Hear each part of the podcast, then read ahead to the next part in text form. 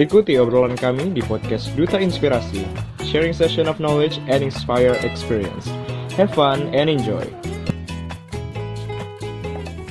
Assalamualaikum warahmatullahi wabarakatuh. Halo Sobat Inspirasi yang ada di seluruh Indonesia. Selamat pagi, selamat siang, selamat sore, dan selamat malam. Bagaimana nih kabarnya hari ini? Semoga kalian selalu dalam keadaan sehat dan bahagia selalu ya. Nah, biar makin semangat nih, tentunya jangan lupa untuk selalu mendengarkan dan tetap stay tune podcast dari Duta Inspirasi Indonesia yang pastinya bisa menambah amunisi semangat kita. Tak kenal maka tak sayang. Lebih sayang dan jadi ayang maka kenalkan aku Ahmad Syarul Azim, biasa dipanggil Syahrul, Duta Inspirasi Indonesia Provinsi Jawa Timur batch kelima. Senang sekali akhirnya aku bisa menyapa kembali nih Sobat Inspirasi pada episode kali ini yakni Ngupas, Ngulik Passion dengan tema Your Dream in Your Hand bersama narasumber yang hebat, cantik, dan tentunya berprestasi. Nah, sebelum kita mulai berbincang dengan narasumber kita, Syahrul mau saya hidup dulu nih untuk Sobat Inspirasi yang masih setia selalu mendengarkan setiap episode dari podcast Duta Inspirasi.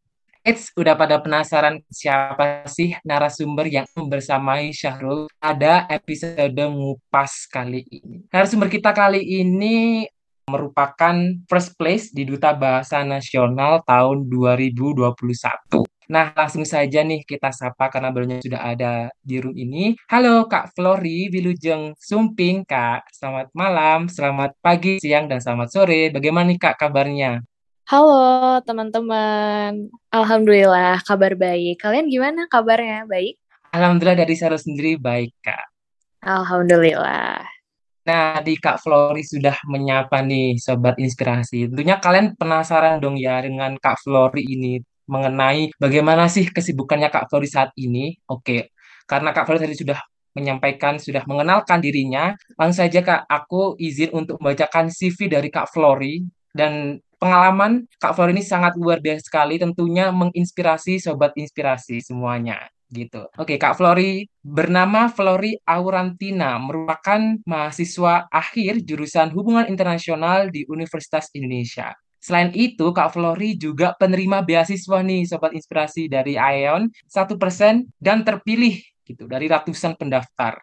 Yang kedua, Kak Flori juga memiliki pengalaman organisasi, salah satunya jadi Vice President of Business Education, menjadi Research and Development Manager di Special Student Association for International Studies. Selain itu juga dari pengalaman organisasi yang pernah diraih oleh Kak Flori ini, Kak Flori juga warawiri diundang menjadi pembicara dan juri dalam berbagai event. Salah satunya menjadi juri storytelling pada event National Competition tahun 2002, 2022, pembicara pada event School Farm Self Development dengan topik Leadership dan Interpersonal Communication menjadi tamu pada acara Klik Indonesia Pagi di TV TVRI Nasional tahun 2022 dan penghargaannya yang sudah Sarul sebutkan tadi di awal menjadi First Place Duta Bahasa Nasional di tahun 2021.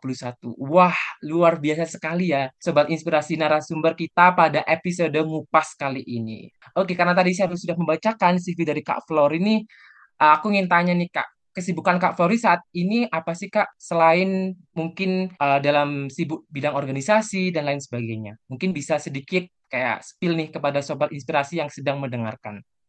Oke, uh, mungkin aku mau mengulang lagi ya perkenalan sedikit. Jadi, uh, halo teman-teman semua, perkenalkan aku Flori Aurantia, biasa dipanggil Flo. Sebelum terima kasih juga untuk Duta Inspirasi ya sudah mengundang uh, di podcast kali ini. Oke, menjawab kesibukan ya, selayaknya mahasiswa tahun akhir ya. Kebetulan alhamdulillah aku baru saja menyelesaikan skripsi, jadi sekarang sedang menunggu jadwal wisuda seperti itu dan mengisi kesibukan kesibukannya sekarang lagi kerja di salah satu perusahaan juga sambil proyek bareng juga dengan teman-teman duta bahasa seperti itu. Wah, keren banget nih Kak Flo nih. Kesibukannya telah menyelesaikan skripsi ya, setidaknya beban sudah sedikit terkurangi begitu. Dan Betul. tentunya ya. Tentunya di tengah kesibukan Kak Fori juga sangat produktif sekali tadi seperti mengerjakan proyek dan lain sebagainya gitu ya. Dan masih bisa menyempatkan untuk hadir menemani kita di segmen ngupas kali ini begitu. Luar biasa sekali ya sobat inspirasi. Kesibukan dan prestasi yang diraih oleh Kak Flori. Semoga kita semua sobat inspirasi dan tentunya aku bisa nyusul nih Kak. Amin. Oke kita Amin. langsung aja kali ya Kak. Kita mulai bahas boleh. mengenai ep- episode podcast kali ini sebagai permulaan nih Kak Syahrul ingin bertanya dong pendapat Kak Flori mengenai quotes dari Andrea Hirata yang berbunyi bermimpilah dalam hidup, jangan hidup dalam mimpi. Oke, em, mungkin sebelum aku berpendapat tentang eh, kutipannya ya, entah setuju atau tidak, aku mau memulai dengan menyamakan persepsi dulu ya mengenai kutipan tersebut. Jadi aku pribadi menginterpretasikan bahwa kutipan bermimpilah dalam hidup dan jangan hidup dalam mimpi ini kan artinya kita hidup harus punya tujuan, harus punya keinginan, harus punya mimpi seperti itu sehingga hidup kita akan lebih bermakna dan harapannya berguna untuk sekitar. Nah, tetapi jangan sampai kita hidup dalam mimpi yang mana kita hanya membuat cita-cita tersebut hanya sebatas di angan-angan seperti itu tanpa ada aksi konkretnya untuk mewujudkan mimpi tersebut. Nah, kalau aku setuju dengan kutipan dari Kak Andrea Hirata itu ya, karena kita diberikan kesempatan hidup di ada tujuannya begitu.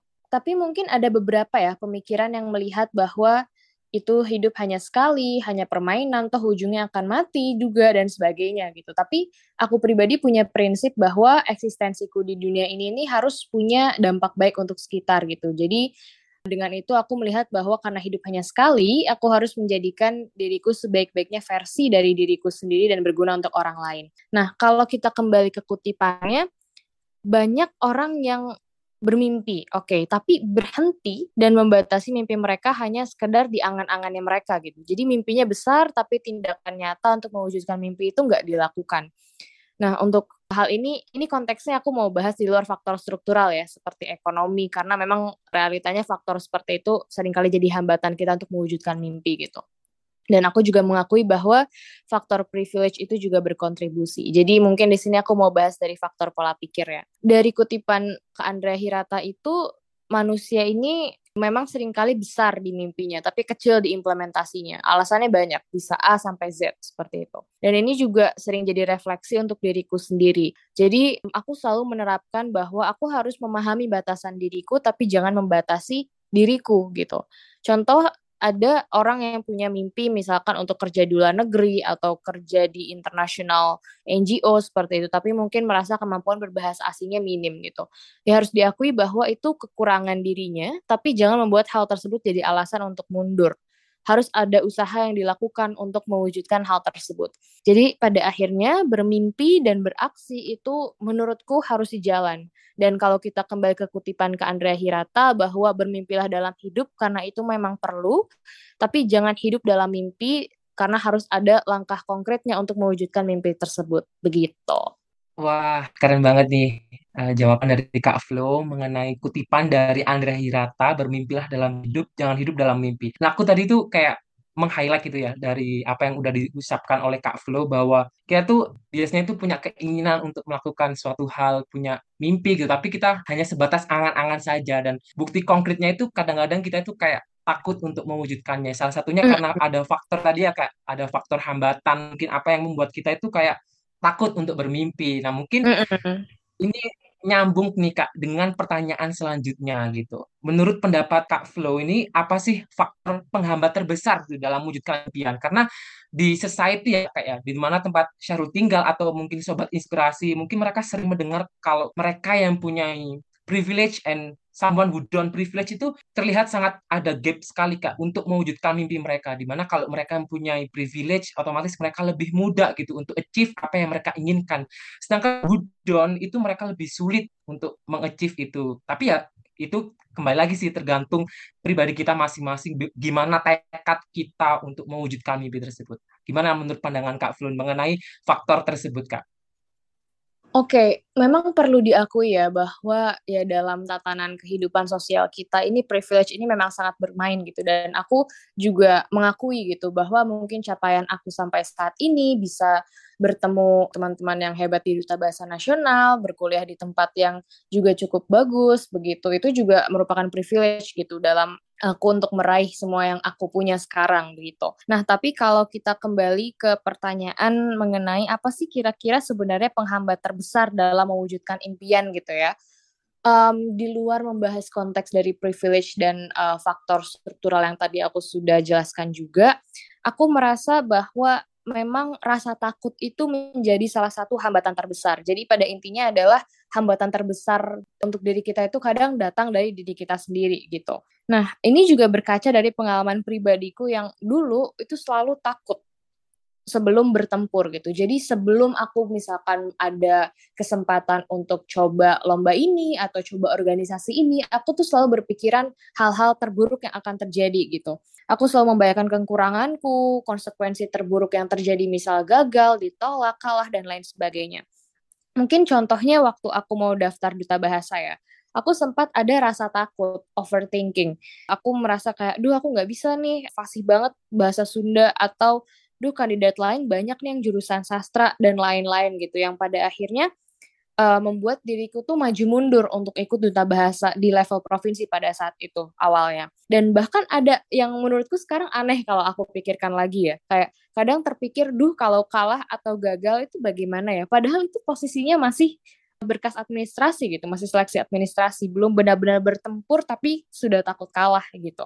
Jadi memang kadang rasa takut itulah yang membatasi seseorang untuk meraih mimpinya gitu. Karena terlalu fokus dengan hal-hal terburuk terlalu fokus dengan hal-hal yang kurang dari dirinya padahal ada hal-hal lain yang bisa didongkrak untuk uh, mendorong mereka mencapai mimpi tersebut gitu.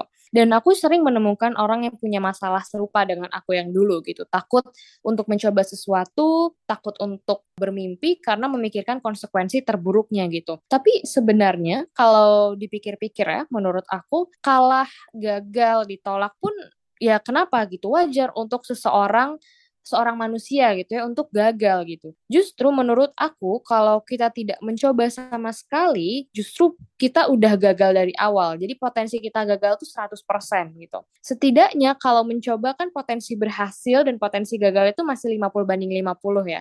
Kalau nggak dicoba sama sekali malah 100% gitu gagalnya. Jadi penghambat sebenarnya itu datang dari uh, diri sendiri, dari konstruksi pikiran-pikiran negatif kita, dari rasa takut kita, yang mungkin sebenarnya justru nggak akan terjadi gitu. Tapi karena kita terlalu memikirkan hal tersebut malah menghambat kita dan malah jadi gagal beneran gitu. Karena kita akhirnya nggak mencoba sama sekali. Itu sih yang mungkin menjadi penghambat terbesar ya untuk seorang manusia ingin meraih mimpinya, itu rasa takut. Wah, Charles setuju banget nih Kak mengenai pendapat dari Kak Flu tadi bahwa apa ya yang buat kita itu kayak nggak berkembang itu sebenarnya dari diri kita sendiri gitu. Mungkin dari rasa takut overthinking selalu memikirkan kekurangan. Padahal kita nggak tahu ke depannya itu bakal terjadi seperti apa. Nah itu mungkin masih belum terjadi tapi kita udah takut duluan. Sehingga kita itu membuat kayak takut untuk memulai untuk mengerjakan hal baru atau takut untuk mengikuti mengikuti kayak perlombaan dan kompetisi yang justru itu yang membuat kita tuh menjadi pribadi yang lebih baik lagi. Karena kita setidaknya berani untuk mencoba ya kak. Urusan kalah menang itu pasti belakangan. Dan betul. aku percaya bahwa kak Flo ini sudah mengikuti berbagai macam kompetisi menjadi public speaker gitu udah diundang di dalam televisi gitu. Aku percaya bahwa Kak Flu ini pasti awalnya punya takut uh, melihat kalau misal kita punya kekurangan dibandingkan dengan orang lain dan akhirnya bisa merubah itu semua menjadi suatu hal yang aku harus berani nih untuk mengikuti kompetisi ini gitu. Aku coba terlebih dahulu kalah menang urusan belakang yang penting kita berusaha begitu ya Kak. Betul. Karena kalau misal mungkin aku saat itu takut uh, dan akhirnya aku mundur gitu ya untuk mengikuti duta bahasa, aku nggak akan bisa menang gitu. Jadi kalau misal aku mundur, mungkin aku akan kehilangan kesempatan untuk jadi Dubasna satu gitu. Kalau misalkan aku mundur pada saat itu. Jadi ya kita nggak tahu apa yang terjadi di depan gitu. Oke Kak Flo, kita mungkin next mungkin kayak di pertanyaan selanjutnya nih. Bagaimana sih Kak menurut pandangan Kak Flo mengenai orang itu yang orang kan macam-macam nih Kak kadang orang itu dia melihat kemampuannya uh, dia sanggup gitu dan dia memberikan diri. Ada orang yang inginlah coba-coba sekedar ingin menambah pengalaman. Dan ada orang yang punya prinsip let it flow aja deh seperti air mengalir gitu. Dalam artian dia tahu kemampuannya dia tapi dia kayak ya udah deh pasti uh, ke depannya aku pasti bakal ini itu ini itu. Nah gimana sih menurut Kak Flo itu mengenai prinsip orang yang memiliki prinsip mengalir seperti air gitu Kak Oke, okay, um, kalau prinsip mengalir seperti air ini diartikan sebagai oke okay, terima aja kehidupan apa adanya gitu atau ya udah nggak ngapa-ngapain gitu mengarah pada ketiadaan usaha, aku nggak setuju sih. Tapi kalau mengalir seperti air ini lebih ke arah legowo, berpasrah setelah usaha, itu aku setuju. Nah, kalau misalkan kita pakai pemahaman yang pertama ya, yang menerima kehidupan apa adanya gitu, ya udah let it flow aja lah uh, hidup seadanya hidup aja gitu. Nah, aku tuh punya prinsip bahwa hidup itu kan berjalan dengan sistem apa yang kita tabur itu apa yang kita tuai. Jadi apa yang kita lakukan itu yang akan kita dapatkan gitu. Kalau ada seseorang yang selalu mengimplementasikan let it flow itu uh, seperti menerima hidup tanpa ada usaha untuk meningkatkan kualitas hidupnya, pada akhirnya kehidupan pun akan memberikan standar yang sama gitu sesuai dengan apa yang dia lakukan. Jadi kalau semisal yang tadi dicontohkan oh ya aku aku tahu aku punya potensi ini tapi ya udahlah mungkin besok-besok aku bisa dapat ini dapat itu tapi nggak ada usahanya gitu. Ya kehidupan pun nggak akan memberikan itu gitu. Jadi nggak mungkin dong misalkan juga kita rebahan setiap hari tiba-tiba 10 tahun kemudian jadi miliarder gitu. Kalau terjadi pun itu ya mungkin karena faktor-faktor X yang benar-benar di luar nalar gitu. Kecil sekali kemungkinannya gitu. Yang ada ya kalau kita rebahan tanpa usaha, ya hidup dan semesta ini juga tidak akan mengusahakan kehidupan yang terbaik gitu untuk kita. Beda kalau arti dari prinsip mengalir seperti air di sini itu artinya berpasrah ya. Kalau artinya berpasrah aku setuju karena kita memang sebagai manusia tugasnya ya kan usaha gitu. Hasil sudah ada yang mengatur gitu. Ya, memang kita ya harus memasrahkan semuanya dan mengalir sesuai takdir gitu. Asalkan kita memang sudah usaha semaksimal mungkin gitu. Jadi intinya hidup itu bagiku ya harus diusahakan semaksimal yang kita bisa kalau memang uh, kita mau mendapatkan kehidupan yang terbaik gitu. Jadi ya definisi dari uh, mengalir seperti air ini seperti apa gitu implementasinya. Kalau memang uh, untuk legowo setelah kita berusaha ya itu aku setuju. Tapi kalau untuk ya udah terima aja kehidupan sebegini adanya tanpa ada usaha ya baru itu aku tidak setuju begitu. Wah, keren banget. Aku setuju dari pendapat Kak Flo barusan bahwa uh, kita itu nggak bisa gitu. Apa istilahnya, kalau kita nggak berusaha, tapi kita menginginkan hal yang kita inginkan. Jadi, untuk sobat inspirasi di luar sana, untuk kalian yang ingin hasil yang maksimal ketika kalian memiliki kemauan untuk meraih achieve A dan B gitu atau C gitu kan ya harus berusaha gitu kan harus menjemput takdir kalian ya dengan caranya berusaha. Tapi kembali lagi apa yang sudah dikatakan oleh Kak Flu tadi bahwa prinsip orang life flow itu dikatakan mereka yang legowo gitu ya Kak. Jadi mereka bisa menerima hasil setelah mereka berusaha semaksimal mungkin. Iya betul seperti itu. Oke nih, kita next pertanyaan nih Kak. Untuk pertanyaan selanjutnya nih, uh, menurut pandangan Kak Flo ini untuk seorang pemimpi itu mereka harus memiliki apa sih Kak dalam hidup mereka, dalam diri mereka itu untuk mengachieve sesuatu yang mereka inginkan. Apakah berani saja cukup atau konsistenkah atau lain sebagainya gitu. Mungkin Kak Flo mempunyai pandangan lain atau mempunyai uh, pengalaman nih apa yang seharusnya sobat inspirasi di luar sana mereka miliki dalam hidup mereka untuk mengachieve suatu uh, prestasi yang mereka inginkan. Oke. Sebenarnya faktornya banyak ya uh, yang harus dimiliki gitu. Tapi menurutku poin utama, poin awal yang harus dimiliki itu adalah berani untuk mengakui kekurangan dan juga udah berani untuk bertempur. Seperti yang aku tadi sudah sempat uh, singgung juga bahwa kita memang harus memahami batasan diri, tapi jangan sampai batasan diri tersebut membatasi diri kita untuk melakukan sesuatu. Kalau kita mau meraih sesuatu kan tentu jalannya nggak mulus ya. Pasti ada kekurangan entah dari kapabilitas internal diri kita atau dari faktor-faktor eksternal gitu. Dan kita harus mengakui hal tersebut. Kita harus memahami hal-hal tersebut. Akui bahwa kita punya kekurangan, bahwa kita akan menghadapi tantangan A, B, C, D untuk meraih mimpi tersebut gitu. Tapi jangan jadikan alasan itu untuk mundur. Justru jadikan itu sebagai strategi. Aku percaya bahwa orang yang paham kekurangan dan kelebihannya itu uh, berbahaya sebenarnya. Mereka punya self awareness atau punya uh, pemahaman tentang diri mereka seperti apa, tahu celah dari diri mereka seperti apa sehingga mereka juga paham gitu cara untuk mengatasinya. Nah, ini yang uh, menurut aku seorang pemimpi dan pejuang ya harus punya gitu. Jadi mereka harus paham bahwa oke okay, aku punya kekurangan ABC, tapi kekurangan tersebut dijadikan sebagai salah satu strategi mereka untuk meraih mimpi gitu. Apa yang harus dilakukan untuk menutupi kekurangan-kekurangan tersebut gitu. Jangan jadikan kekurangan tersebut alasan kalian untuk mundur seperti itu. Dan untuk lainnya aku juga merasa bahwa seorang pemimpi itu perlu untuk pola pikir yang runtut gitu untuk memulai meraih mimpinya. Maksudnya seperti ini.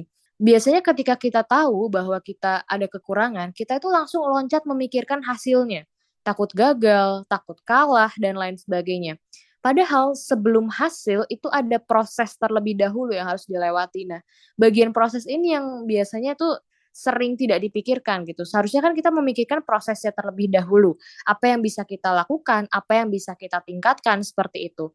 Nah, biasanya ketika orang melihat peluang atau melihat mungkin ada kesempatan mereka langsung yang kayak aduh nggak jadi deh takut gagal aduh nggak jadi deh kayaknya aku nggak bisa soalnya ABCD gitu atau aku takut ditolak dan lain sebagainya.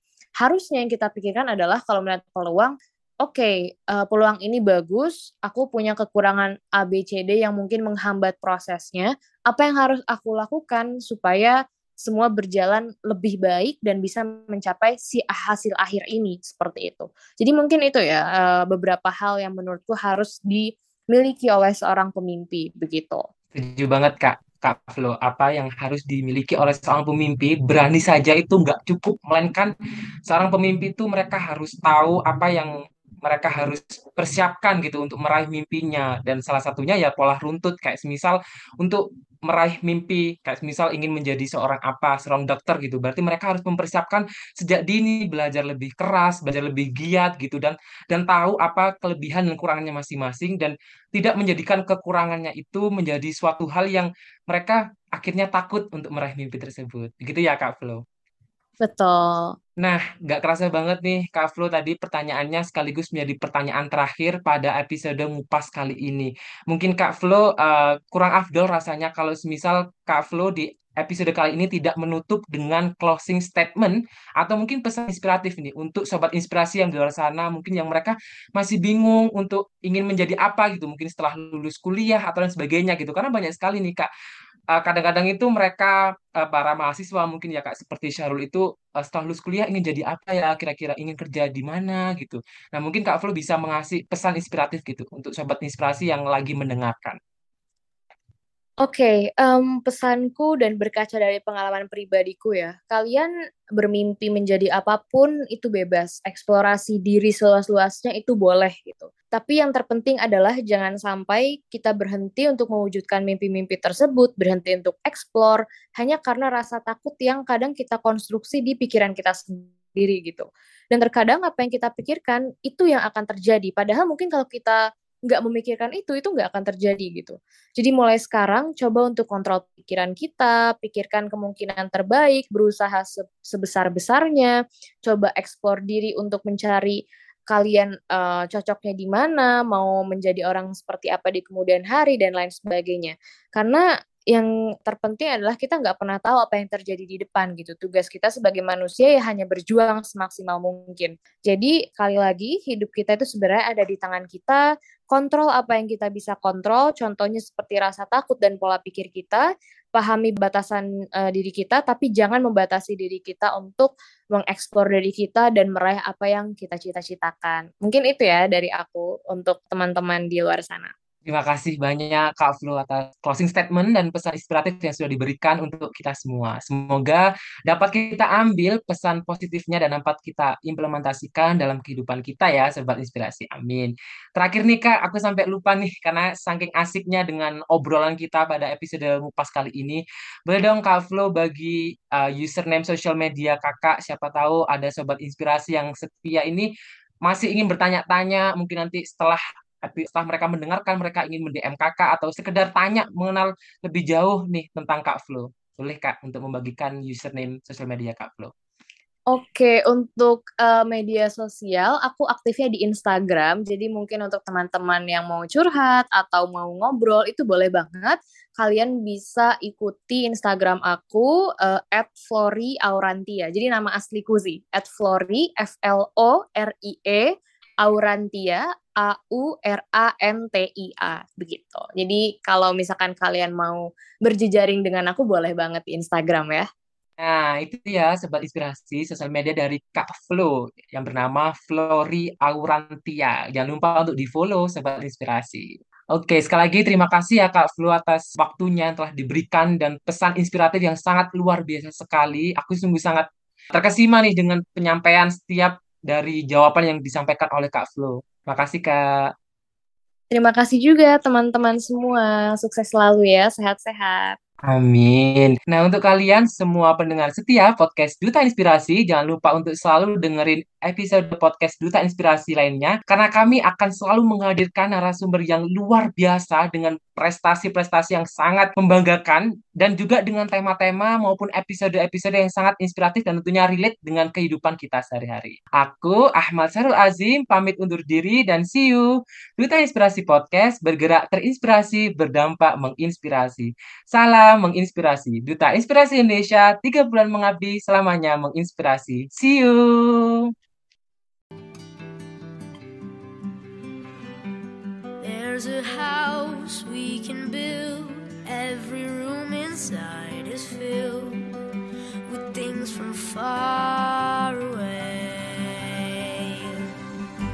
Special things I compile Each one there to you smile on a rainy day. They can say, they can say it all sounds crazy. They can say, they can say we've lost our minds. I don't care, I don't care if they call us crazy. Run away to a world that we Every night I lie in bed, the brightest colors fill my head. A million dreams keeping me awake. I think of what the world could be, a vision of the one I see. A million dreams is all it's gonna take. For the world we're gonna make. However big, however small, let me be part